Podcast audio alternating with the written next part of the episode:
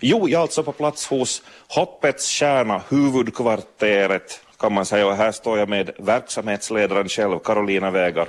God förmiddag. Hej, hej. Hej. Hör du, vi ska gå runt här på, på loppis och titta lite så ska vi prata om julpaketsinsamlingen som har kört igång och i år igen, men vi ska börja prata om föreningen tänkte jag. Jag är nyfiken, du får friska upp mitt minne. Jag har säkert hört det någon gång, men Hoppets kärna, vad är det för en förening? Ja, det är en registrerad förening, eh, politiskt och religiöst obunden. Mm. Och vi idkar hjälparbete, främst bland barn och unga. Och eh, vårt fokus är skolgång och utbildning för barn. Mm. Vart, till vilka platser har ni riktat er hjälp? Eller har ni sådana fasta, fasta platser och orter och samarbetspartners? Ja, vi har ju alltså en pool med, med fasta samarbetspartners. Sen kommer det, kan det variera lite från år till år. Uh, men generellt kan man väl säga att uh, vi, hela vårt arbete är uppbyggt kring de, de fasta samarbetspartners som finns i Lettland och Litauen. Uh, finns även sen Indien med på kartan, Haiti, Argentina, Tanzania har kommit till. Um, sen har vi också fortsatt arbete i Vitryssland. Eh, delvis i Ryssland finns det några enstaka uh, sådana punktinsatser som vi gör. Likadant i Kenya en del punktinsatser. Mm. Och Finlandshoppets kärna så har ja, snart 30 år på nacken. Stämmer, ja. Mm. Mm. Grundat 1989 sa du visst här för? Ja, det stämmer. okay. ja. Ja. Och, och, och, och, ni behövs fortfarande. Det är ju en förening som gärna inte skulle behöva behövas, men nöden finns. Nöden finns, det ser vi mer eller mindre varje dag. Uh, nöden kanske ser lite annorlunda ut på olika ställen, men, men den finns absolut och vi behöver verkligen ha allt stöd vi kan få för att kunna hjälpa. Mm. Nu hör du, Karolina, hur många, hur många frivilliga arbetare har ni här i föreningen? Alltså det aktiva.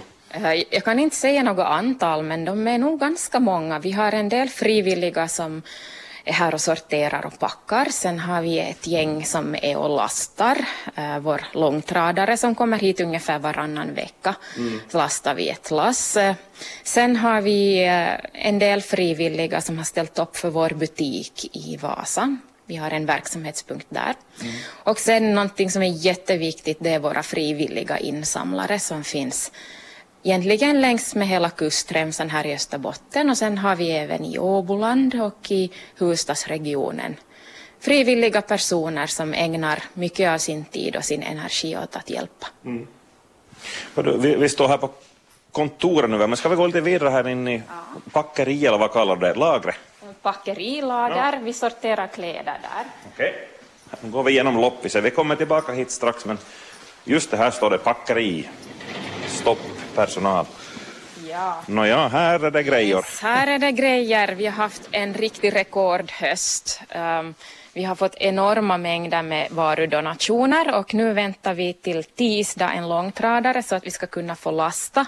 Nu är det riktigt proppfullt här och Janne har fullt upp med att sortera porslin och köksgrejer och Benita har fullt upp med att sortera kläder. Mm. Och så kan vi gå vidare. Ja.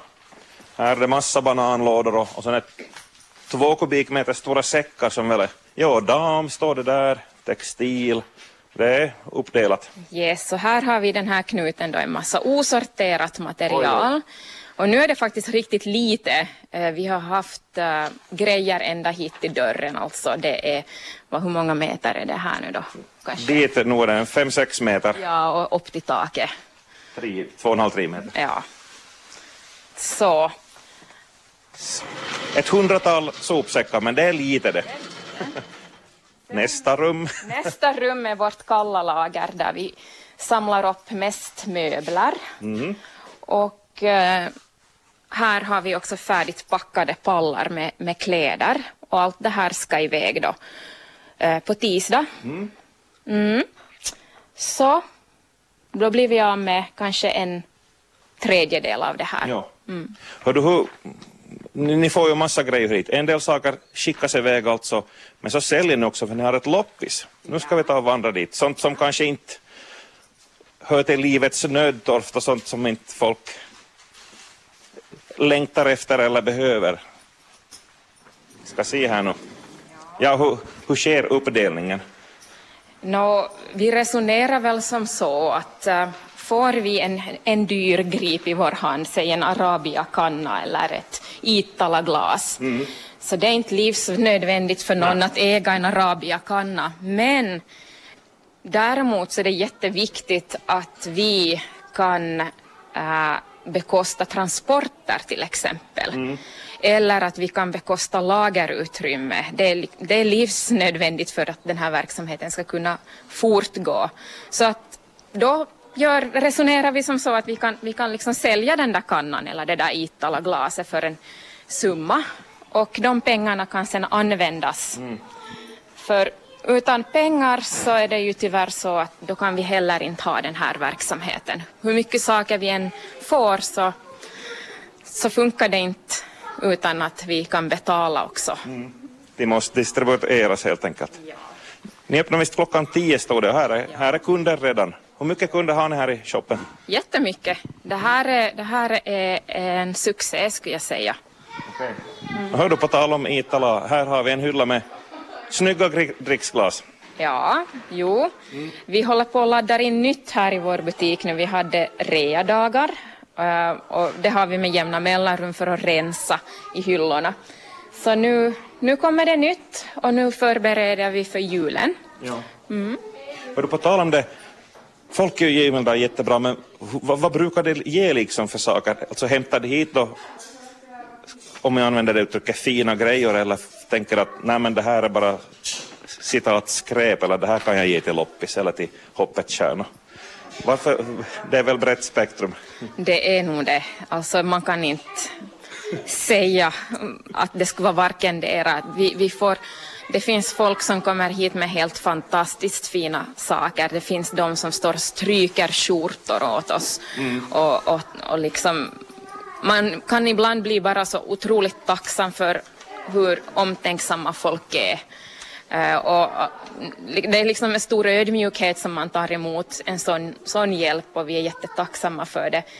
Men sen finns det ju förstås den där andra delen också, det är ju att tyvärr används vi nu som då äh, som någon slags, äh, ja vad ska man säga, äh, som en, en sista utväg. och, och, det kanske är sånt som vi helst skulle slippa för att det kostar ju oss att får vi en säck med kläder som är smutsiga och som är söndriga mm. så tyvärr, vi kan ju inte använda det till någonting. Um, utan vi hamnar att slänga det och då kostar den här hela den här sophanteringen kostar ju oss en, en hel del. Vi har en container här bakom där vi samlar då sånt som vi inte har kunnat skicka eller sälja. Mm. Så det är ju tyvärr en helt onödig utgiftspost för oss. Så var det tid att gå, gå igenom den? Det är dessutom det, ja. Att de, dels att, att vi kanske hämtar de där sakerna och sen sorteras det och, och ja. Mm. Mm. ja, ja. Julen det är antågande och eh, det är också en stor högtid för Hoppet Kärnas del, eller ni har mycket aktivitet? Jo, det har vi. Vi har vår insamling som startar här, eller har startat nu redan och det är vårt stora projekt här under månaderna som kommer. Mm. Ni jobbar för att äh, speciellt barnen då, äh, också de som inte har det så bra ställt, ska få åtminstone en julklapp till julen, något paket att öppna. Jo, det, det är en, en sak äh, att se till att, att barnen kan få en glädjefylld högtid. Det, det är jätteviktigt. Men sen är det också den där andra aspekten och det är ju mat. Att mm. kunna samla mat till familjer äh, som kämpar för att överleva på olika håll i världen. Mm. Och då kan man då, våra lyssnare, medverka genom att själv packa ihop ett matpaket och och överlämna det till er och så får det distribueras då? Jo, så går det till att man kan packa själv ett matpaket eller sen kan man ju också ge julklappar till barn. Uh, alternativt sen är också att man kan ge en penninggåva till Hoppets Stjärna som vi sen använder på olika sätt. Mm. Nu hör du Karolina, vad, vad, ska man tänka på när man, om man själv vill packa ett sånt där paket? Vad, vad ska man gärna sätta med och vad ska man helst undvika? Vi kan väl börja med själva lådan, att lådan behöver vara stadig um, och den behöver vara fylld. Um, och, att inte skramla runt. Exakt, precis. Och sen det som, som man packar dit så är ju då torrvaror, mjöl, um, kan vara pasta, ris, olika gryn, allt möjligt vad man, vad man nu använder i en, i en familj. Mm. Konserver är jättebra. Kött och fisk, konserver, frukt. Torkad frukt eh, är ju också en annan sak. Hygienprodukter, eh, shampoo, tvål, tandkräm, tandborstar, det är ju sånt som, som eh, behövs verkligen. Om man vill kan man ju packa dit också någon tålig leksak eller någonting för barnen i det där matpaketet. Mm. När det gäller leksakerna, ska man där fundera nu eller ska man märka lådan och skriva att vad det är i eller, eller kollar ni lådorna förrän ni uh, skickade dem?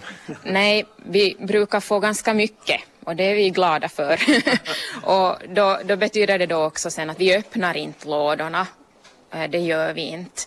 Utan eh, vi vi vill helst att man skriver på den där lådan ungefär är det, passar det åt en barnfamilj eller är det åt en äldre person? Finns där leksaker? Eh, ungefär vad där finns i, i den där lådan. Och det finns på vår hemsida också en sån här talong man kan printa ut om man vill, vill klistra den då på, på lådan. Mm. En luntlapp. Ja. Nu, om man om man vill så att säga göra det enkelt för sig och bidra med en penninggåva? Är det webbsidan man går in och hittar info också? Eller? Webbsidan, ja. Eh, eller så ringer man helt enkelt hit så berättar vi mera. Men vi har ett insamlingskonto eh, och den, det konto finns angivet på webbsidan. Och Eh, på webbsidan finns också mer information om, om liksom hur det här går till. Mm. Men jag kan berätta som så att penninggåvorna används Dels används det alltså för matpaket och det är matpaket som de, sen delas ut eh, till exempel i Haiti där nu situationen är verkligt svår efter förra höstens orkan.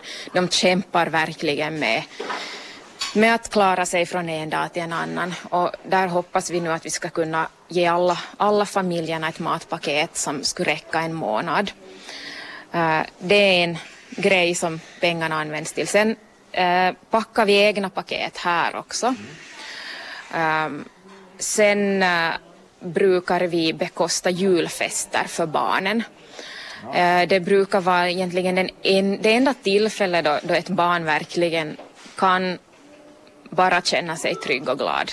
Det, det är, har kommit jättefin feedback till exempel från äh, Indien där vi jobbar med, med barn som lever i slummen i Mumbai och, och det, är liksom, det är en riktig högtid där då de får riktig, riktig mat och, och de får uppträda och sjunga och det är liksom det är klackarna i taket.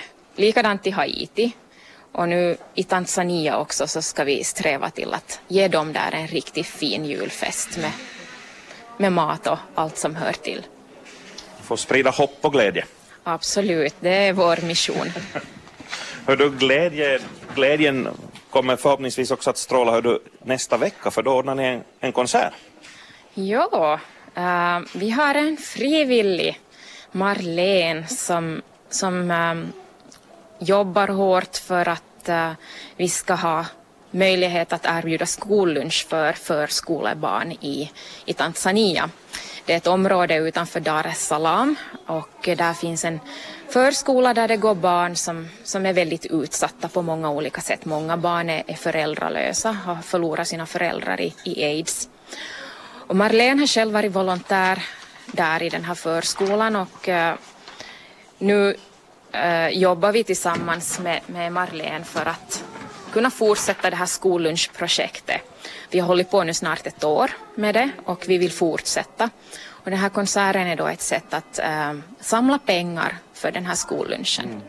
Och det är nästa veckas söndag i Sundom kyrka i Vasa, klockan 18. Ja, precis. Och där har vi då Botnia Gospel 100 Det är flera olika körer som har slagit sig samman och är då uppträder under ledning av, av Jenny Mendelin och Simon Granlund och pianist Rickard Mitz. Och sen har vi två körer som eh, är Afrika-inspirerade som eh, också uppträder tillsammans eller är, står för en del av, av, av konserten, Cherubin och Asafa.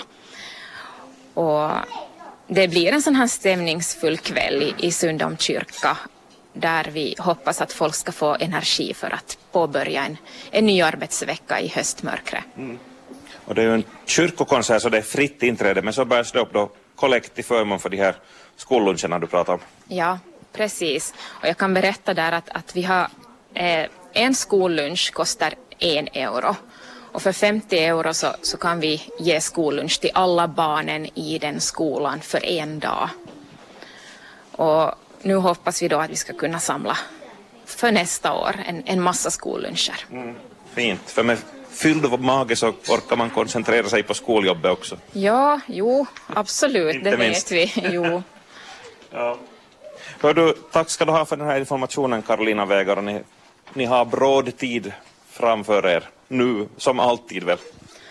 Ja, ja, men nu är det extra bråda tider just nu. Och, och det, här, det är också roliga tider för att det är så roligt att se hur människor ändå vill hjälpa. Och det är väldigt många som, som har den här empatin och omtanken om sin nästa. Så vi, vi hoppas verkligen att, att det här blir ett riktigt rekordår för att tyvärr är det så att det är hemskt många nu som kämpar för sin brödföda också i Lettland och Litauen där.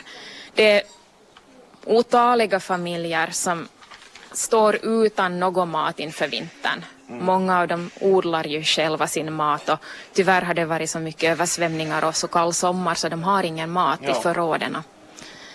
Det är så nära men ändå så overkligt. Det är nära men ändå långt borta. Ja. Det är en annan värld man möter. Ja. Mm. ja.